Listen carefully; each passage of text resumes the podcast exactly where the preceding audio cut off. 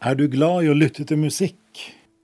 Ja, det er jeg sikker på at du er. Det er jo en styrke for oss at det finnes så mange musikalske sjangre og ulike slags musikk å høre på.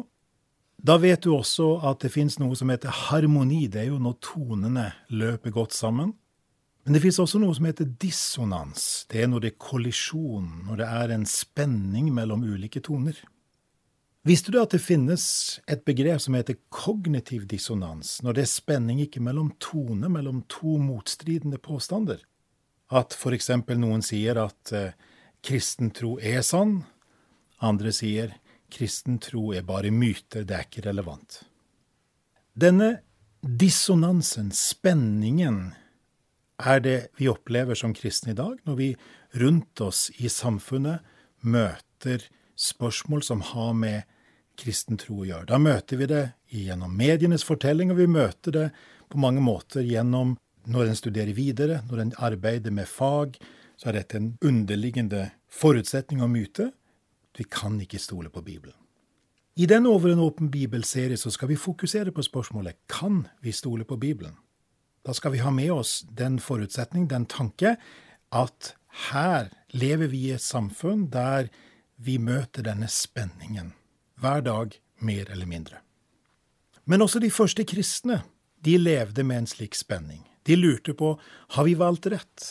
Det å begynne å tro på Jesus Kristus, var det riktig? Kan vi stole på kristen tro, som vi har valgt å tro på? Kan vi stole på Jesus, som vi har valgt å følge?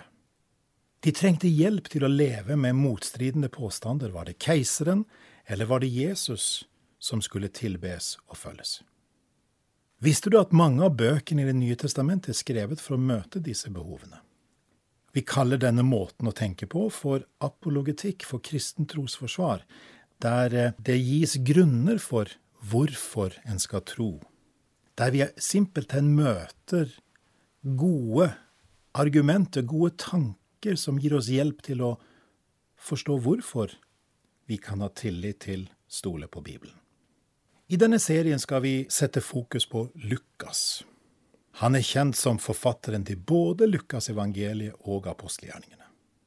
Og hva er mer naturlig enn å begynne med forordet, der han skriver i Lukas 1. Han forteller om hvorfor han skriver, og hva han har gjort for å kunne samle disse tingene som er da nedtegna for oss i Lukas evangeliet. Vi leser. Mange har forsøkt å gi en fremstilling av det som er blitt oppfylt blant oss, slik vi har fått det overlevert av dem som helt fra først av var øyenvitner og tjenere for ordet. Nå har også jeg bestemt meg for å gå nøye gjennom alt fra begynnelsen av og skrive det ned for deg i sammenheng, ærede Teofilos. Og så kommer det, så du kan vite at det er pålitelig, det du har fått opplæring i. Her er altså hele hensikten med Lukas evangeliet, og for så vidt også bind to, det andre boka, apostelgjerningene, er at Theofilos, som da var en kristen som hadde begynt på veien, begynt å følge Jesus, skulle vite at det er pålitelig, at det er troverdig, det han hadde fått opplæring i. Kan vi stole på Bibelen? Ja, ifølge Lukas så kan vi stole på det som fortelles. Og det er interessant å merke seg at når han så går videre i apostelgjerningene 1, i sin andre bok, så møter vi følgende begynnelse. I min første bok, skriver han, Gode Teofilos, skrev jeg om alt det Jesus gjorde og lærte, fra han begynte og helt til den dagen han ble tatt opp til himmelen.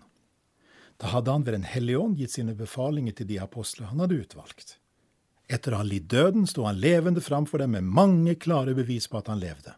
I 40 dager viste han seg for dem og talte om det som hører Guds rike til. Her møter vi igjen Lukas forteller sine lesere, Teofilos og gruppen rundt han, nye kristne på veien, at de kan vite at det var pålitelig, det de hadde fått opplæring i. Blant annet så sier han jo her at Jesus viste seg, han sto levende frem, med mange klare bevis på at han levde, og han talte om det som hørte Guds rike til. Så er det oss i dag, da, der vi lever med denne spenningen ofte, denne dissonansen ikke mellom tonene, men mellom påstandene. Kristen tro er sann, kristen tro er ikke sann, det er bare en myte, det er irrelevant, osv. Du kjenner mange av disse påstandene. Og da er det dagens budskap fra oss, fra Lukas 1, er at vi kan vite at det er pålitelig, det vi har fått opplæring i. Lukas forteller nemlig om noe troverdig. Når vi leser videre, så oppdager vi at han sier at dette er troverdig fra flere forskjellige perspektiver. Det er en troverdig historie, det er et troverdig budskap, og det er en troverdig tro. Vi skal i de kommende andaktene fokusere på, se nærmere på ulike situasjoner i apostelgjerningene der vi møter Paulus. Det som skjer med han, forteller Lukas, og gir oss da et glimt av hvorfor evangeliet om Jesus er troverdig på Paulus sin tid og på vår tid. Dette er til oppmuntring. Da tar vi med oss dette ordet fra Lukas 1. Vi skal vite at det er pålitelig, det vi har fått opplæring i. La oss be. Kjære gode Far, i Jesu navn, takk for at du har gitt oss ditt ord, din sønn og evangeliet om din sønn. Takk for at det er en troverdig historie, og det er et troverdig budskap. Så ber vi om at vi må få leve et troverdig liv der vi bærer dette budskapet videre. I Jesu navn. Amen.